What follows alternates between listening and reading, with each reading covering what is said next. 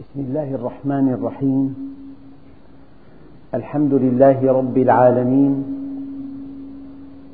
والصلاة والسلام على سيدنا محمد الصادق الوعد الأمين. اللهم لا علم لنا إلا ما علمتنا إنك أنت العليم الحكيم. اللهم علمنا ما ينفعنا وانفعنا بما علمتنا وزدنا علما.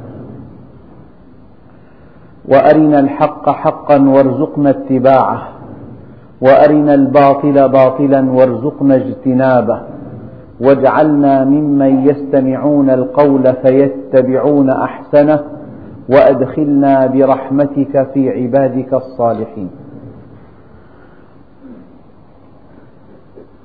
أيها الإخوة المؤمنون مع الدرس الثالث من سورة غافر ومع الآية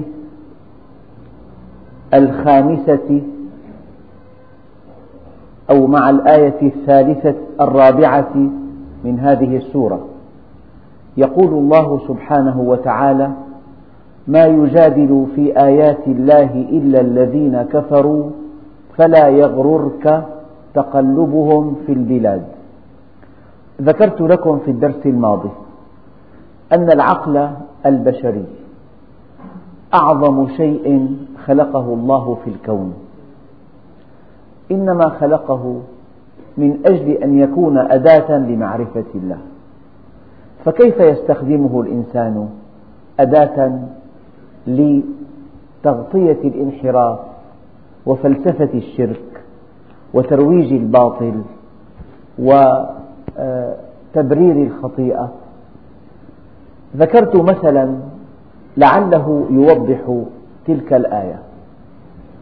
لو أن جهازا طابعا آلة طباعة ملونة يعني تعد قمة في بابها. لو أعطيت لمهندس فاستخدمها في اختصاصه لقفزت أعماله قفزة نوعية. ولكانت هذه الآلة الطابعة الملونة التي تظهر أدق الألوان. لكانت هذه الآلة الطابعة معوانا له في عمله ولارتقى عمله درجات كبيرة. لو أن إنسانا اشترى هذه الآلة واستخدمها في تزوير النقد ووقع تحت طائلة القانون والعقوبات فأودع في السجن. الآلة هي هي. استخدمت لما صنعت له فارتقى من استخدمها وحقق أرباحا طائلة ولمع اسمه واستخدمها إنسان سيء أبشع استغلال واستخدمها لغير ما صنعت له. فأودع في السجن وصدرت أمواله كلها. الآلة رفعته رفعت الأول والآلة أهلكت الثاني. فكيف يستخدم الإنسان عقله الذي هو في الأصل من أجل معرفة الله من أجل أن يرقى إلى الله من أجل أن يصل إلى الله من أجل أن يتفنن في خدمة الخلق من أجل أن يعمله في الأعمال الصالحة من أجل أن يكون العقل أداة لسعادة أبدية. العقل هو هو نفسه إذا استخدم لغير ما صنع له لغير ما خلق له يغدو أداة شر مستطير ويغدو دركات إلى جهنم. إذا حيثما وردت كلمة مجادلة يعني إنسان سيء اختار الدنيا اختار الشهوة فوجئ أو رأى أن بيده عقلا بإمكان هذا العقل أن يقلب الحق إلى باطل والخير إلى شر فاستخدم العقل في فلسفة الشرك وفي تبرير الخطيئة وفي تغطية الانحراف فكانت المجادلة. يعني المجادل إنسان ذكي لكن يستخدم عقله لغير ما صنع له. يستخدمه في وظيفة لم يخلق من أجلها. هذه الآلة الطابعة الملونة. الغالية جدا. أنا حدثني أخ قال لي في حقها مليون ليرة. آلة طابعة ملونة تظهر أدق الألوان. لو أن مهندسا يعمل في تصميم الأشكال عن طريق الأجهزة الحاسبة فهذه التصاميم تنتهي معه في دقائق. يرسلها إلى الطابعة فيغدو هذا التصميم مجسدا ملونا. هذا المهندس ارتقى عمله. قفز قفزات سريعة جدا. حقق أرباح طائلة. حقق آه، اسم في البلد. تألق نجمه. من خلال هذا الجهاز بالغ التعقيد. الجهاز نفسه لو استخدمه مزور عملة وأتقن التزوير وضبط متلبسا بجرمه وأودع السجن كانت هذه الآلة التي أعانته على التزوير سببا لهلاكه. فإذا رأيت في القرآن الكريم آيات تشير إلى المجادلة والمشاحنة هؤلاء الذين يقلبون الحق إلى الباطل إلى باطل هؤلاء الذين يبررون أغلاطهم بذكاء بارع هؤلاء الذين يفلسفون المعاصي يعطونها أسماء غير أسمائها. يعني إذا الإنسان منافق يسمى مرن. وإذا كان متفلت يسمى سبور. وإذا كان الإنسان يعني آه، يستخدم أساليب ملتوية في تحقيق في في جمع الأموال يسمى شاطر. فهذا العقل وإذا كان مجتمع في اختلاط اجتماع راقي مخملي بيقول لك مثلا. فهي أسماء كلها من ابتداع العقل البشري. وأحيانا يعطيك فلسفة لكل معصية وتبرير لكل خطيئة وتغطية لكل انحراف هذا الذي يجادل هذا الذي يتحرك بعقله حركة معاكسة للقرآن الكريم. هذا مجادل. هذا إنسان منحرف كمزور العملة. عثر على آلة تصوير ملونة رفيعة المستوى فأعانته على عمله الإجرامي. فلما ضبط كان هذا كانت هذه الآلة سبيلا إلى دخوله السجن. لهذا قال الله عز وجل ما يجادل في آيات الله إلا الذين كفروا. فلا يغررك تقلبهم في البلاد. هو كفر بالله وكفر باليوم الآخر وآمن بالدنيا وآمن بالمادة وآمن بالمال فقط واتخذ سبيل الشهوة طريقا له وجعل إلهه هواه ومعه عقل معه عقل جاهز. فاستخدم العقل لغير ما خلق له. استخدم العقل لجمع الأموال عن طريق عن طريق غير مشروع. استخدم العقل للوصول إلى رغباته الدنيئة. نصب الحيل نصب الشباك. إذا العقل يستخدم استخداما مشروعا فيرقى بصاحبه ويستخدم استخداما غير مشروع فيهوي بصاحبه. العقل صار درجات إلى الجنة أو دركات إلى النار. سلم ترقى به أو منزلق تهوي به والعقل هو هو. وهذا يذكرنا مرة ثانية بأن كل الحظوظ التي آتاك الله إياها في الدنيا كل الحظوظ التي آتاك الله إياها في الدنيا كحظ العقل الراجح وحظ المال وحظ الجاه وحظ القوة وحظ الذكاء وحظ الوسامة. كل هذه الحظوظ حيادية ترقى بها أو تهوي بها. طريق إلى الجنة أو منزلق إلى النار. لذلك الإنسان مخير. إنا هديناه السبيل.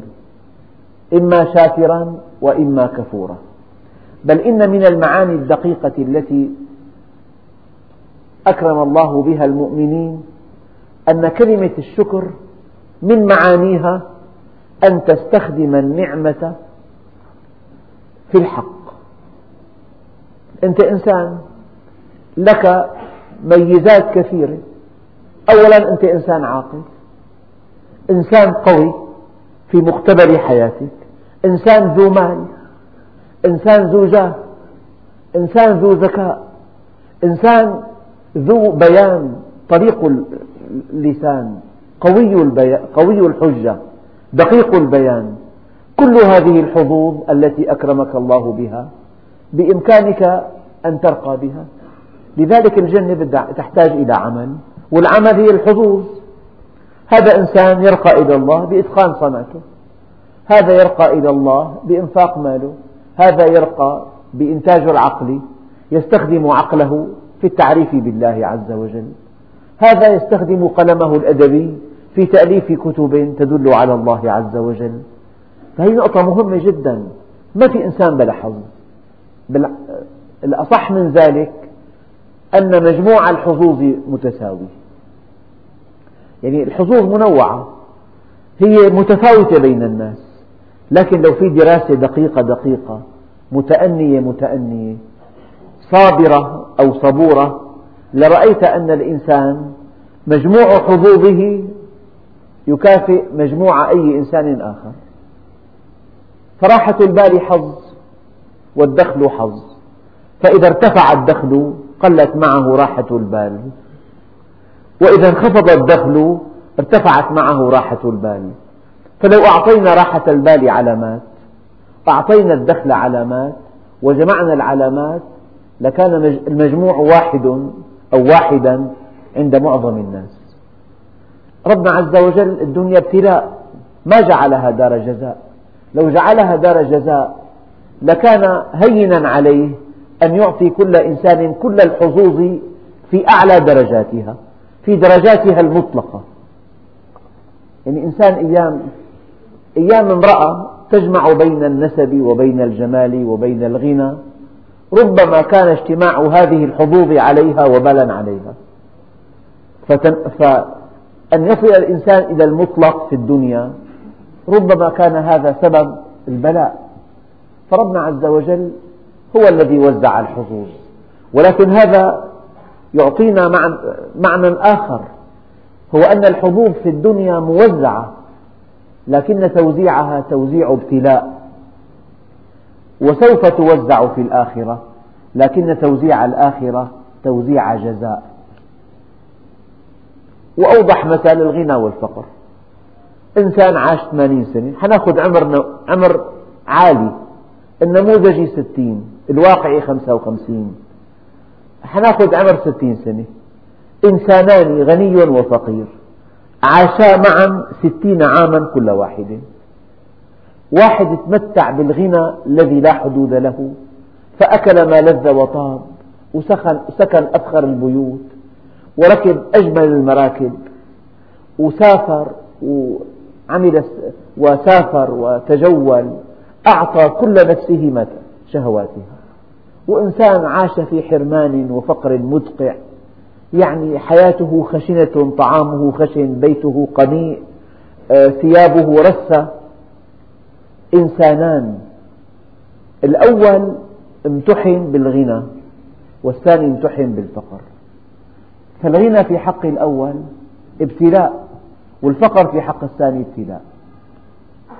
لو تصورنا أن الغني امتحن بالغنى فلم ينجح فتاه بماله على عباد الله. وأنفق ماله على شهوات لا ترضي الله ومنعه أهله ومستحقيه وجعل وجعله وجعل المال أو المال جعل صاحبه يزهو على عباد الله. والفقير رضي بقسمة الله له واستقام على أمر الله واتقى الله في كل حياته إلى أن وافت المنية الرجلين. الآن الآخرة ستنعكس الآية. الذي كان فقيرا ونجح سيغدو غنيا إلى أبد الآبدين. والذي كان غنيا فرسب سيغدو فقيرا إلى أبد الآبدين. هذا معنى قول سيدنا علي الغنى والفقر بعد العرض على الله. لكن ما الذي يمنع أن ينجح الغني في غناه في الدنيا فيغدو غنيا إلى أبد الآبدين؟ ما الذي يمنع؟ ليس الغني ليس الفقير الصابر. بأعظم أجرا من الغني الشاكر. فالإنسان يحتاج إلى تفكير إلى أن يعمل عقله. سيدنا نعيم بن مسعود نقول سيدنا من دون أن نشعر لأنه صحابي جليل وإنسان عظيم. كان مع الأحزاب ليقاتل النبي وقد بقي الحصار مستمرا عشرين ليلة. وفي أحد الليالي كان, كان أرقا. خاطب نفسه أجرى حوار ذاتي. قال يا نعيم إنك رجل لذيذ. ما الذي جاء بك إلى هنا؟ لماذا جئت تقاتل هذا الرجل الصالح؟ إلى ما يدعو هذا الرجل؟ هل انتهك عرضا؟ فجئت تقاتله. هل اغتصب مالا؟ فأتيت تقاتله. ماذا فعل؟ إنه دعا إلى الله. إن أصحابه أناس طيبون أمروا بالمعروف ونهوا عن المنكر. محاكمة لم تستغرق إلا دقائق. هذه المحاكمة انتهت إلى أنه اتخذ قرارا بأن يسلم. قام في جنح الظلام وتسلل إلى النبي عليه الصلاة والسلام فلما رآه قال نعيم بن مسعود قال نعم يا رسول الله. جئتك مسلما. وأسلم. والله عز وجل أجرى على يده وحده نصر مؤزر. معركة الخندق من دون مبالغة تم فيها النصر على يد نعيم بن مسعود. كان ذكيا عاقلا. استخدم ذكاءه في أعلى درجة. فرق الأحزاب وأوقع بينهم وجعل بعضهم يشك ببعض. وجاءت الرياح فقلبت القدور واقتلعت الخيام وأطفأت النار وكفى الله المؤمنين القتال.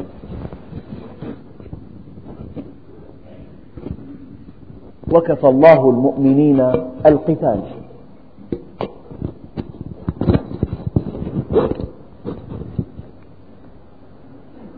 لذلك هذا العقل الذي نتحدث عنه بك به تسعد وبه تشقى.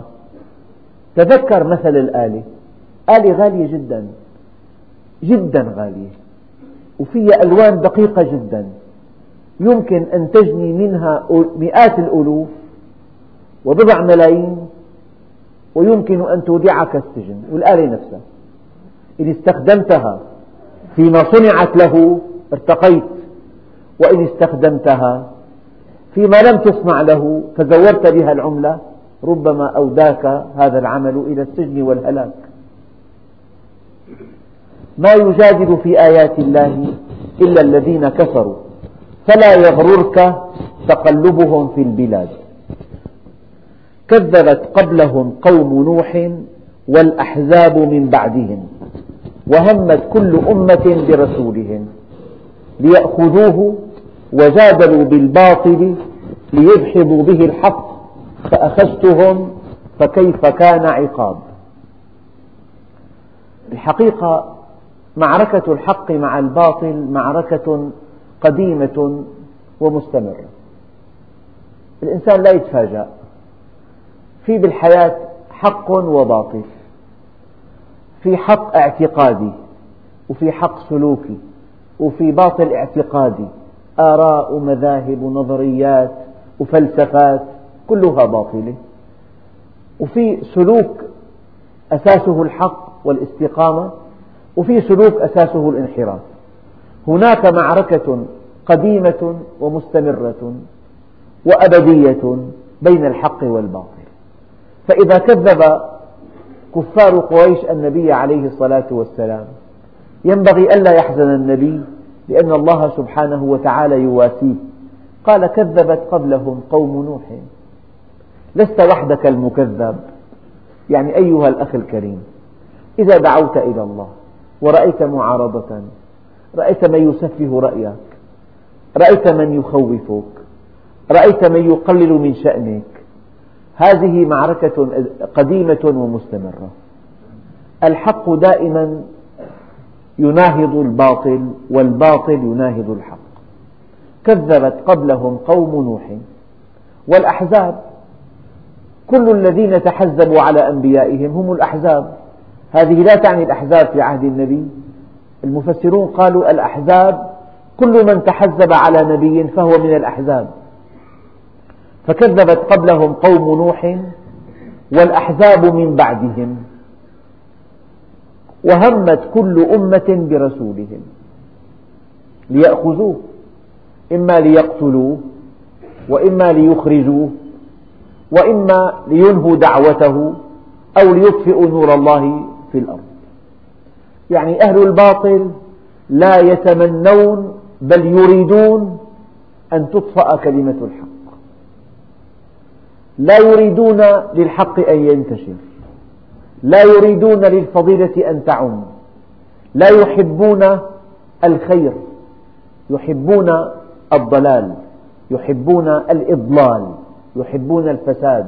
يحبون الإفساد. هذا شأن أهل الباطل.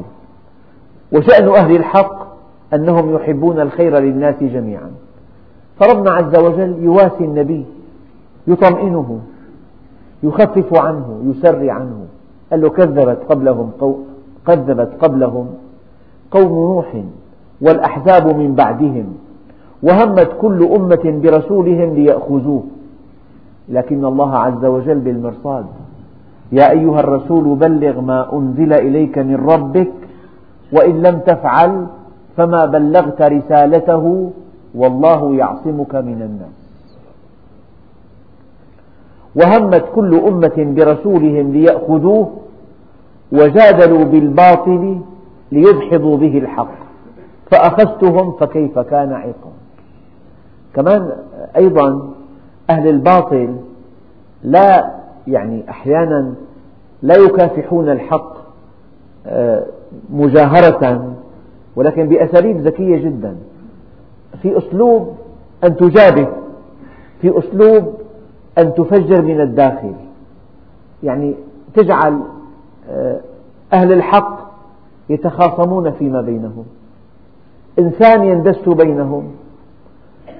يحرف الحق يزور الحقيقة ويدعي أنه من أهل الحق.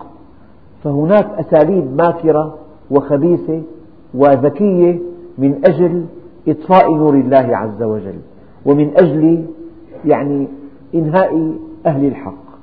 كذبت قبلهم قوم نوح والأحزاب من بعدهم وهمت كل أمة برسولهم ليأخذوه وجادلوا بالباطل ليدحضوا به الحق فأخذتهم فكيف كان عقاب.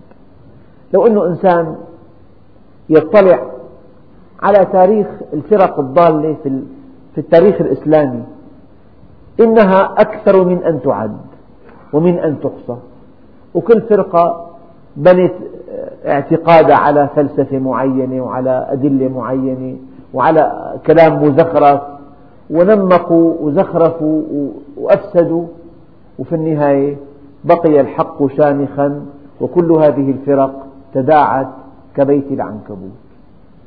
الباطل باطل إن الباطل كان زهوقا. يعني كان زهوقا بمعنى أن من شأن الباطل أنه زهوق. ما قال كان زاهقا كان زهوقا وزهوق على وزن فعول.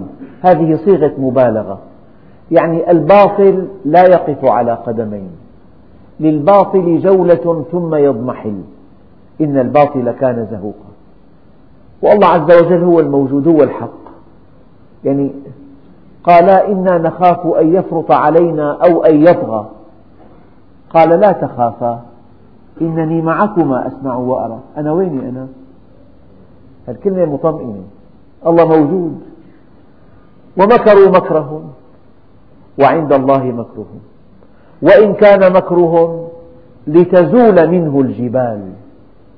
جبال بأكملها تزول من مكرهم. وقد مكروا مكرهم وعند الله مكرهم. وإن كان مكرهم لتزول منه الجبال. فلا تحسبن الله غافلا عما يعمل الظالمون. إنما يؤخرهم ليوم تشخص فيه الأبصار.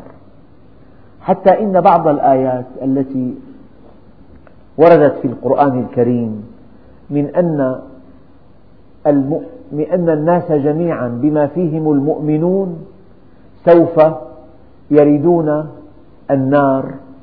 ورود النار ليس دخولها. الورود أن تقترب منها لترى من فيها. من أجل أن يتحقق اسم الحق. فالإنسان كان في الدنيا ورأى من اعتدى على حقوق الآخرين من اعتدى على حياة الآخرين من اعتدى على أعراض الآخرين. ربما لم يحاسب في الدنيا لكن اسم الله هو الحق. يعني مثل بسيط لو أنه أنت قرأت قصة أو شهدت عمل ممثل إيه، بأول فصل قتل إنسان وتمت مشكلة وتمت جريمة وأرخي الستار هل تعتقد أن المسرحية انتهت؟ ماذا حل بالقاتل؟ ماذا حل بهذا الذي فعل هذه الخيانة؟ المسرحية ناقصة لو أن لو أن الستار أرخي هذا فصل واحد بقي فصول الحياة تمثل فصل واحد. الفصل الثاني يوم القيامة. من أجل أن تسوى الحقوق أن يعطى كل ذي حق حقه أن يؤخذ للمظلوم من الظالم وللمعتدى عليه من المعتدي وأن ينال كل مظلوم حقه. لذلك الله سبحانه وتعالى بدأ الخلق ثم يعيده لتجزى كل نفس بما تسعى. إعادة الخلق من أجل الجزاء. كذبت قبلهم قوم نوح والأحزاب من بعدهم وهمت كل أمة برسولهم. يعني القضية نية الكافر شر من عمله. لو شققت على قلب الكافر لتمنى أن يفنى الحق. وأن لا يبقى على وجه الأرض من يوحد الله. لتمنى أن يعم الضلال. لتمنى أن يعم الفسق والفجور. يعني نية الكافر شر من عمله ونية المؤمن خير من عمله. لكن الله عز وجل موجود. بعضهم قال الحمد لله على وجود الله. لأن خطة الكافر مستوعبة في خطة الله عز وجل. فلا يقع منها إلا الذي يأذنه الله سبحانه وتعالى. لا يقع من خطة الكافر إلا بالقدر الذي يأذن الله به. والله عز وجل أفعاله كلها خير مطلق. ولو بدا بعضها شرا بمقياس الناس لكن الشر النسبي هو في الحقيقة خير مطلق. وربنا عز وجل علمنا علمنا من خلال قصة سيدنا موسى مع سيدنا الخضر. سيدنا موسى يحمل الأمر التشريعي الأمر التكليفي.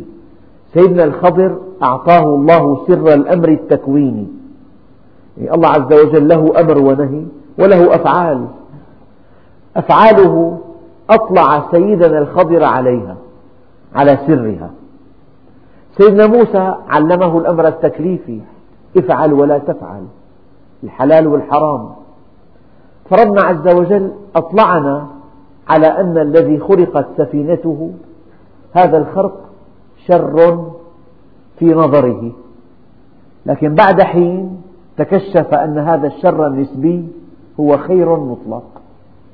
نجت من المصادرة. فيا حبذا هذا الخرق كي تنجو من المصادرة. وهذا الذي أنشأ بناء من دون أن يأخذ أجرة. كان هذا هو الخير. والقصة بين أيديكم في سورة الكهف تعلمنا أن الفعل التكويني خير مطلق لكن قد يبدو للإنسان شرا نسبيا. هذا معنى قول الله عز وجل وعسى أن تكرهوا شيئا وهو خير لكم وعسى أن تحبوا شيئا وهو شر لكم والله يعلم وأنتم لا تعلمون. فالمؤمن مستسلم لله عز وجل. يعني هو عليه أن يتقصى أمر الله عز وجل وهو راض بقضاء الله وقدره.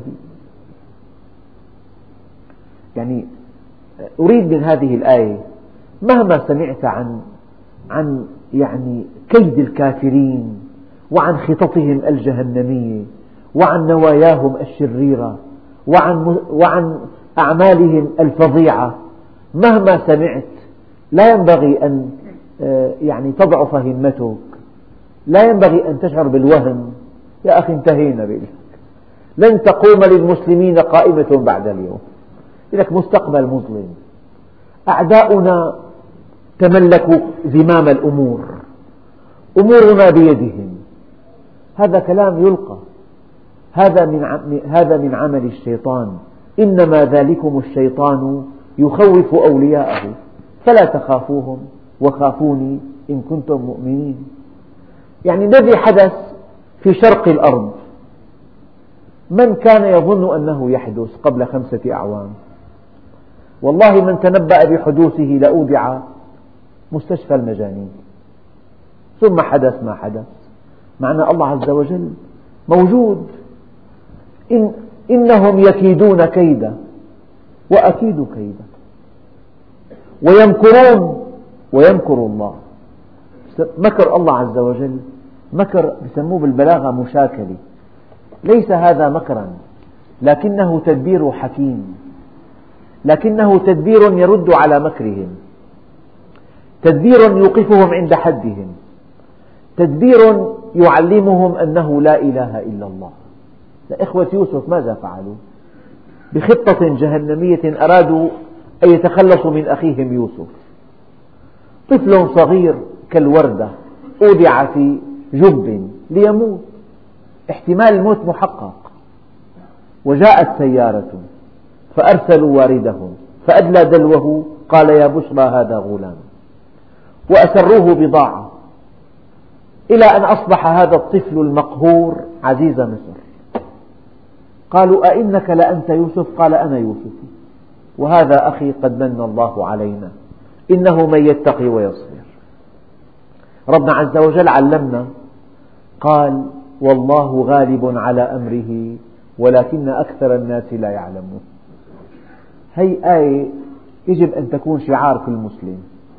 والله غالب على أمره. مهما سمعت من كيد الكفار.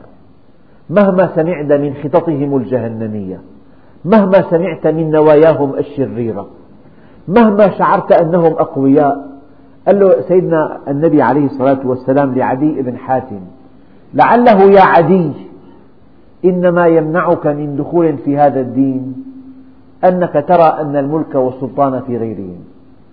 ويم الله ليوشكن أن تسمع بالمرأة البابلية. تحج البيت على بعيرها هذا لا تخاف.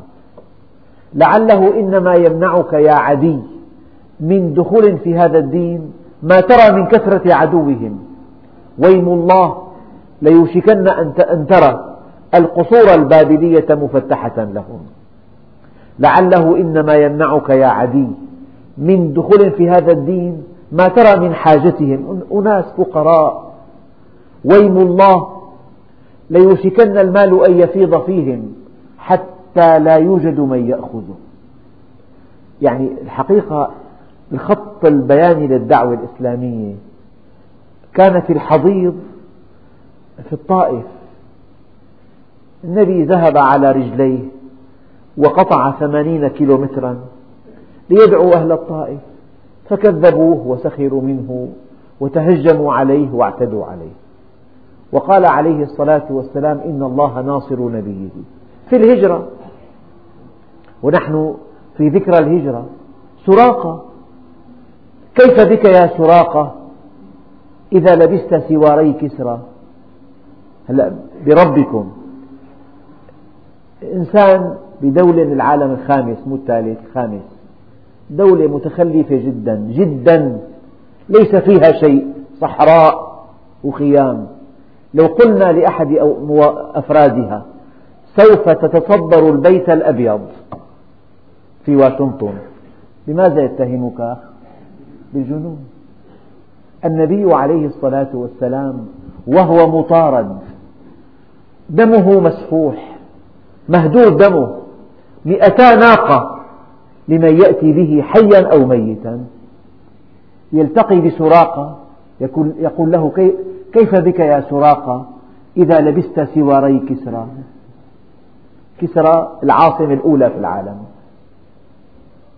القسطنطينية العاصمة الأولى. عاصمتين. الأولى عند كسرى المدائن والثانية قسطنطينية. والذي حدث في عهد عمر أن سراقة لبس سواري كسرى. إله يعد والله يحكم لا معقب لحكمه.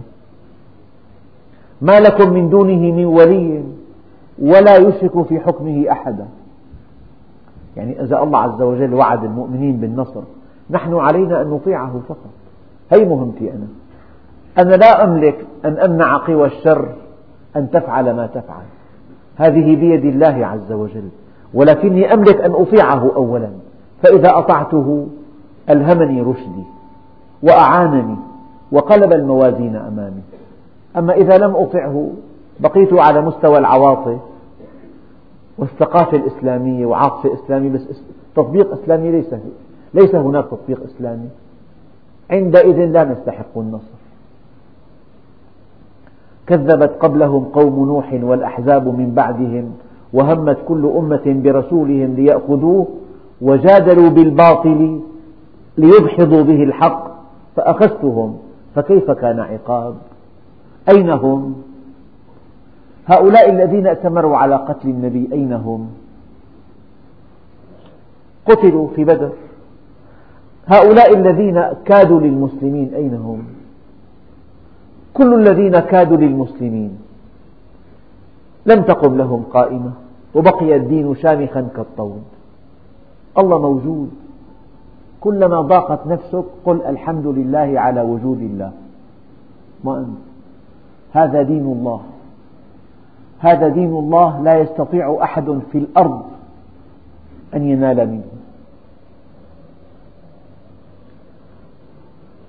فأخذتهم فكيف كان عقاب؟ بعدين لماذا نبتعد كثيرا؟ الأحداث التي من حولنا تؤكد هذه المعاني. أليس هناك بلاد خضراء كجنات النعيم ذاقت حربا أهلية خمسة عشر عاما؟ ألم يقل الله عز وجل ضرب الله مثلا قرية كانت آمنة مطمئنة يأتيها رزقها رغدا من كل مكان فكفرت بأنعم الله فأذاقها الله لباس الجوع والخوف بما كانوا يصنعون. ألا ترى مدنا فسقت وفجرت أصابها زلزال فهز أركانها. ألم ترى الأعاصير تجتاح أجمل الولايات في بعض البلاد؟ يقول لك الخسارة 30 مليار. يومين. 30 مليار. لم يبق شيء على الساحل إلا وقد هدم إعصار واحد. يعني ترى الكوارث الطبيعية الزلازل البراكين الحروب الأهلية بأس الإنسان. كلها عقابات إلهية. وما كان ربك ليهلك القرى بظلم وأهلها مصلحون. ففي أدلة تاريخية وفي أدلة معاصرة. فالمرض إذ أليس آية من آيات الله عز وجل؟ أحدث إحصاء عشرين مليون إنسان يحمل هذا المرض في أمريكا. ويقول الأطباء أرجح الظن وأغلب الظن أنه لن يصل الإنسان إلى مضاد لهذا المرض. أبدا. عقاب إلهي لمن خرج عن فطرته الإنسانية. لكن ما أكثر العبر وما أقل المعتبر. ما أكثر العبر وما أقل المعتبر. أنت مخير.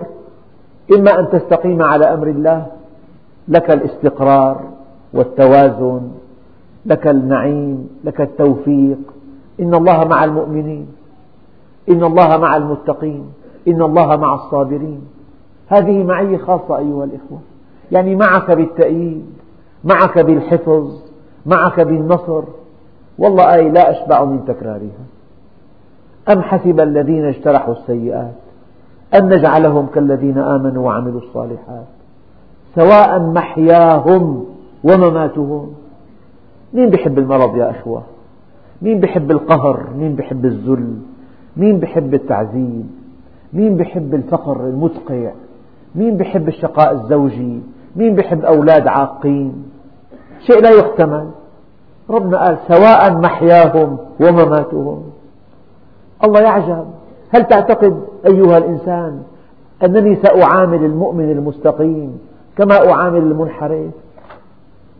أو أنني سأعامل المنحرف كما أعامل المستقيم؟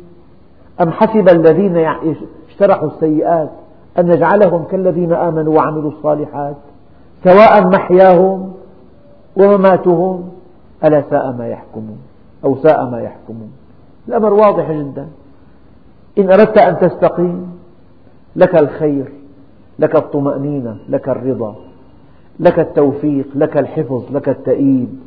لك السكينة لك السعادة.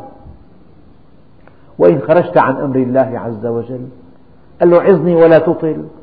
قال له قل آمنت بالله ثم استقم. قال أريد أخف من ذلك. قال إذا فاستعد للبلاء. وكذلك حقت كلمة ربك على الذين كفروا أنهم أصحاب النار. وكذلك حقت كلمة ربك على الذين كفروا أنهم أصحاب النار. الآية قد, قد يفهمها بعضهم فهما ما أراده الله أبدا. يعني نحن لو فرضنا بالنظام الداخلي كل من يتغيب أسبوعين يفصل. مادة رقم ثلاثة بالنظام الداخلي. طالب غاب يوم يومين ثلاثة خمسة خم... 12 13 14 15 انطبقت عليه المادة الثانية من النظام الداخلي فاستحق الفصل. هذا المعنى. بالضبط. هذا المعنى الذي يليق بجلال الله عز وجل. يعني حقت كلمة ربك. يعني الكلمة القانون. القانون الإلهي يقتضي بأن الذي يكفر سوف يعذب في الدنيا والآخرة. مصيره إلى النار. إن العار ليلزم المرء يوم القيامة حتى يقول يا رب لإرسالك بي إلى النار أهون علي مما ألقى وإنه ليعلم ما فيها من شدة العذاب. يعني حقت كلمة ربك على الذين كفروا أنهم أصحاب النار. لذلك كفاك على عدوك نصرا أنه في معصية الله. القانون الإلهي والسنة الإلهية أن الذي يشعر أنه خسر نفسه يدخل في عذاب لا يحتمل ثم يدخل في عذاب مادي لا يحتمل. هذا هو القانون الإلهي وكذلك حقت كلمة ربك على الذين كفروا أنهم أصحاب النار. فربنا عز وجل حدثنا عن سيدنا إبراهيم رب اجعل هذا بلدا آمنا وارزق أهله من الثمرات من آمن منهم بالله واليوم الآخر. قال ومن كفر فأمتعهم قليلا ثم أضطرهم إلى عذاب النار وبئس المصير. في إنسان في بعض المدن كان ثملا شرب الخمرة حتى ثمل فلما دخل البيت قتل زوجته وأولاده الخمسة. فلما صحى ماذا فعل؟ قتل نفسه. ما تحمل هذه الجريمة؟ نفسك إلى قوانين. أيام نحن نتصور لو ما في لو ما أحد حاسب الإنسان حدثني رجل يعني إنسان يقود مركبته الساعة اثنتين بالليل. أب أرسل ابنه يجيب حاجة من بقالية تفتح إلى ساعة متأخرة. صاحب السيارة دهس هذا الطفل الصغير وأرداه قتيلا. وعدا لا يلوي على شيء. ما أحد عرف من القاتل ولم يكتب ضبط. ولم يلاحق من قبل الشرطة. يقول هذا الذي دهس الغلام بقيت عشرين يوما لم أذق طعم النوم. إلى أن اتصل بطبيب نفسي. الطبيب أدرك المشكلة شعور بالذنب طفل وديع يصبح تحت عجلات السيارة. ما أحد طبعا أدانه ما أحد ضبطه. هذا الطبيب حكيم كان. فقال له لا ترتاح نفسك إلا إذا أرسلت لأهل القتيل الدية الكبيرة. لعلك بهذا المبلغ الكبير إذا دفعته تستطيع أن تنام الليل. أيام الإنسان ما أحد بيعذبه بيعذب نفسه. لكن هناك عذاب في جهنم حريق عذاب الحريق ثابت هذا بس يضاف إليه العذاب النفسي. يضاف إلى عذاب الحريق إلى عذاب النار التي تشوي الجلود يضاف إلى هذا العذاب عذاب النفس. وكذلك حقت كلمة ربك على الذين كفروا أنهم أصحاب النار. يعني الإنسان أحيانا يسرف في المعصية إلى أن يصل إلى طريق مسدود اقرأ كتابك كفى بنفسك اليوم عليك حسيبا.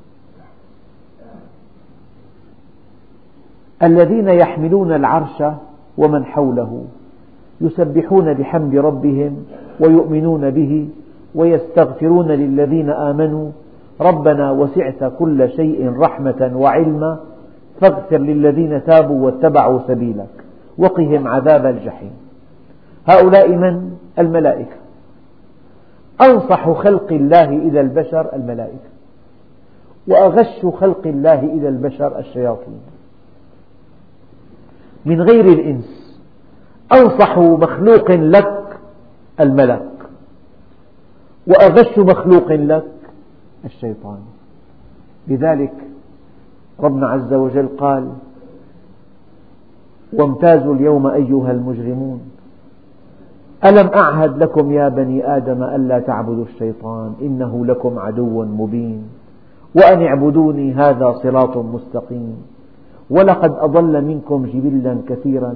أفلم تكونوا تعقلون؟ هذه جهنم.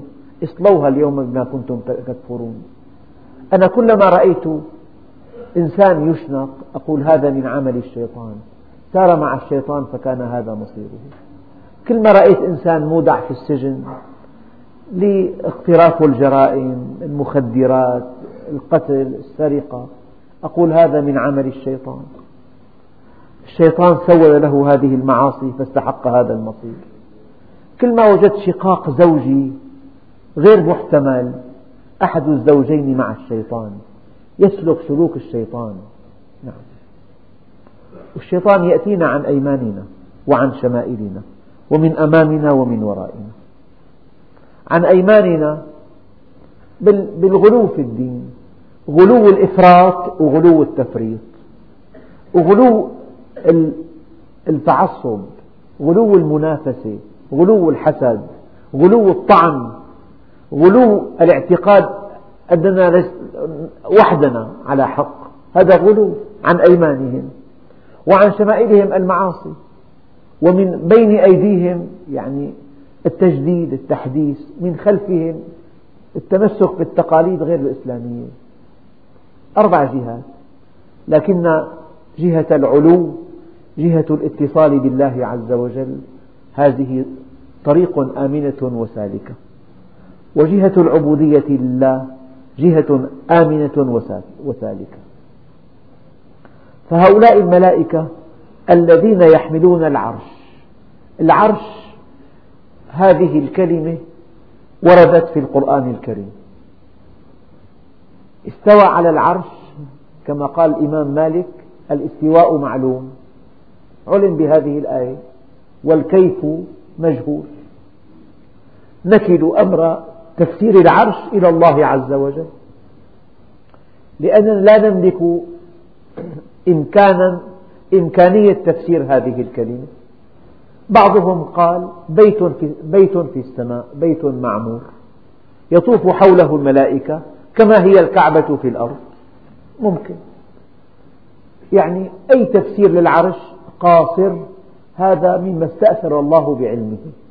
على كل الملائكة الذين يحملون العرش ومن حوله يسبحون بحمد ربهم ويؤمنون به. ويستغفرون للذين آمنوا ربنا وسعت كل شيء رحمة وعلما. فاغفر للذين تابوا واتبعوا سبيلك سبيلك. وقهم عذاب الجحيم. دائما في الدين في عنا منطقة اعتقادية منطقة تحقيقية ومنطقة في أفكار الدين تصديقية. موضوع العرش والكرسي موضوع وجاء ربك موضوع يد الله فوق أيديهم. موضوع استوى على العرش. موضوع تعلم ما في نفسي ولا أعلم ما في نفسك. موضوع إذا كان ثلث الليل الأخير نزل ربكم إلى السماء الدنيا. هي كلها مجموعة آيات لا تزيد عن عشر آيات متعلقة بذات الله عز وجل. العلماء الأجلاء وقفوا حيال هذه الآيات موقفين. صحيحين. موقفين غير صحيحين. الموقف الأول الصحيح فوضوا أمر تفسيرها إلى الله. العرش معلوم والكيف مجهول. هي مغيبات لأنه الله أخبرنا أنه في عرش بالسماء. إيه ترى؟ ما عندنا إمكانية نصل له ما عندنا إمكانية نعمل تنظير له نعمل آه، مثلا بالأشعة نصوره بالطيف نصوره ما في مجال. علمنا قاصر عن إدراك العرش. وأي تفسير للعرش لم يرد في الحديث الصحيح غير صحيح. فنحن في مثل هذه الكلمات الغيبية لا نملك إلا التصديق. أن الله عز وجل ومن أصدق من الله حديثا. فالسلف فالسلف فوضوا أمر هذه الآيات إلى الله. الخلف أولوها والله شيء جميل. قال وجاء ربك أي جاء أمره. يد الله أي قدرته. سمعه وبصره أي علمه. نفسه أي ذاته. نزل بمعنى أن الله سبحانه وتعالى سمح لهذا العبد أن يناجيه. هذا المعنى. فإما أن تفوض وإما أن تؤول أما الذين عطلوا هذه الآيات. وأما الذين جسدوها جسدوا وعطلوا فهم فرقتان ضالتان. نحن مع التفويض أو مع التأويل. ولسنا مع التعطيل ولا مع التجسيد. إذا الذين الملائكة يحملون العرش لا نملك من شرح هذه الآية إلا ما وردت به السنة. الله النبي الكريم ما وصف تفاصيل حول العرش. الذين يحملون العرش ومن حوله يسبحون بحمد ربهم.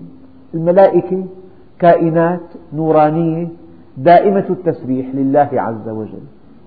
كما قال سيدنا علي ركب الملك من عقل بلا شهوة وركب الحيوان من شهوة بلا عقل وركب الإنسان من كليهما فإن سمى عقله على شهوته أصبح فوق الملائكة وإن سمت شهوته على عقله أصبح دون الحيوان. يسبحون بحمد ربهم ويؤمنون به ويستغفرون للذين آمنوا. ربنا وسعت كل شيء رحمة وعلما. شوف الآية أدقة وسعت كل شيء رحمة وعلما. يعني بتلاقي في علم بس ما في رحمة. علم مع قسوة. أحيانا ترى الرحمة البالغة بس بلا علم مؤذية بالصيف يعني هي اجتماع الرحمة مع العلم. ربنا عز وجل قال تبارك اسم ربك. تبارك اسم ربك. ذي الجلال والإكرام. ذي الجلال والإكرام. يعني بقدر ما هو عظيم بقدر ما هو كامل. هون رحمة وعلما. بقدر ما هو عليم هو رحيم. أفعال الله كلها. تنظمها رحمته وعلمه.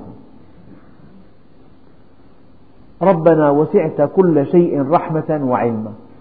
هل هناك شيء لا تسعه رحمة الله؟ لا. هل هناك شيء لا يسعه علم الله عز وجل؟ لا غير صحيح. أي شيء تسعه رحمة الله عز وجل ويسعه علمه؟ فاغفر للذين تابوا واتبعوا سبيلك وقهم عذاب الجحيم. هذا دعاء الملائكة للمؤمنين. ربنا وأدخلهم جنات عدن التي وعدتهم ومن صلح من آبائهم وأزواجهم وذرياتهم. إنك أنت العزيز الحكيم. وهذه بشارة أن المؤمن إذا ربى أبناءه تربية صالحة ألحقنا بهم ذرياتهم وما ألتناهم من عملهم من شيء. والأب لا يسعد إلا إذا رأى ابنه سعيدا. ربنا وأدخلهم جنات عدن التي وعدتهم ومن صلح من آبائهم وأزواجهم. قال رب إنه ابني وإن وعدك الحق وأنت أرحم الراحمين. قال يا نوح إنه ليس من أهلك. إنه عمل غير صالح. معناها ومن صلح من آبائهم وأزواجهم وذرياتهم. إنك أنت العزيز الحكيم. وقهم السيئات. ومن تق السيئات يومئذ فقد رحمته. وذلك هو الفوز العظيم. يعني إذا الإنسان وصل إلى دار السلام بسلام. إذا انتهت حياته إلى الجنة فقد فاز فوزا عظيما. وما فاته شيء من الدنيا.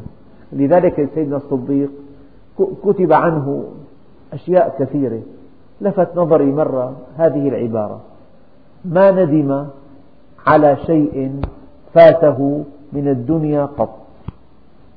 يعني إذا أنت عرفت الله عز وجل واستقمت على أمره وسلكت الطريق إليه. وكان دخلك محدود. ماشي الحال. زواجك غير ناجح ما في مانع.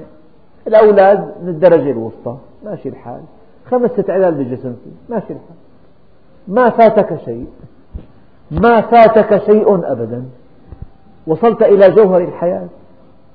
أما الذي أعطاه الله كل شيء وحجب عنه معرفته حجب عنه شرعه حجب عنه الكمال ما ربح شيئا.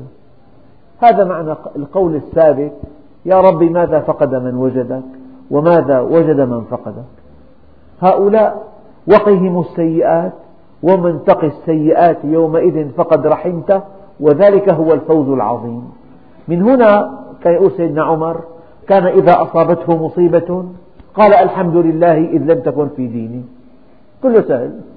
ما دام ما عصيت ما خلقت الاستقامة ما أكلت مال حرام ما ارتكبت منكر ما عملت السيئات ما دام أنا مستقيم كله يهون.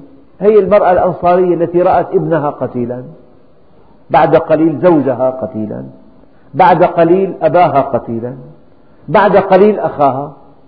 شيء فوق طاقة البشر الزوج والابن والأب والأخ. قالت ما فعل رسول الله؟ قالوا هو بخير. قالت يا رسول الله كل مصيبة بعدك تهون ما في مشكلة. فالإنسان إذا كان دينه سلم ما في مشكلة. ساكن بيت عالي واطي أبو إجرة ملك كبير صغير ضمن المدينة خارج مدينة مو مشكلة. مو هي المشكلة. المشكلة أن تعصي الله. هي المشكلة. المشكلة أن يكون الطريق مسدود. المشكلة أن يصل الطريق إلى النار. هي المشكلة هذه مشكلة المشاكل. أما الأمور كلها تمضي والموت يسوي بين الناس جميعا. هلا الرياضي بيموت والإنسان إذا أهمل نفسه بيموت والغني بيموت والفقير بيموت والقوي بيموت والضعيف بيموت والحاكم بيموت والمحكوم بيموت والظالم بيموت والمظلوم بيموت كله بيموت. الموت سبحان من قهر عباده بالموت. كل مخلوق يموت ولا يبقى إلا ذو العزة والجبروت. المشكلة أن, تكون أن تقع في معصية بس هي المشكلة. لذلك كفاك على عدوك نصرا أنه في معصية الله. إذا كان مستقيم أنت الفائز الأول أنت الرابح أنت المفلح أنت الناجح أنت المتفوق. والحمد لله رب العالمين.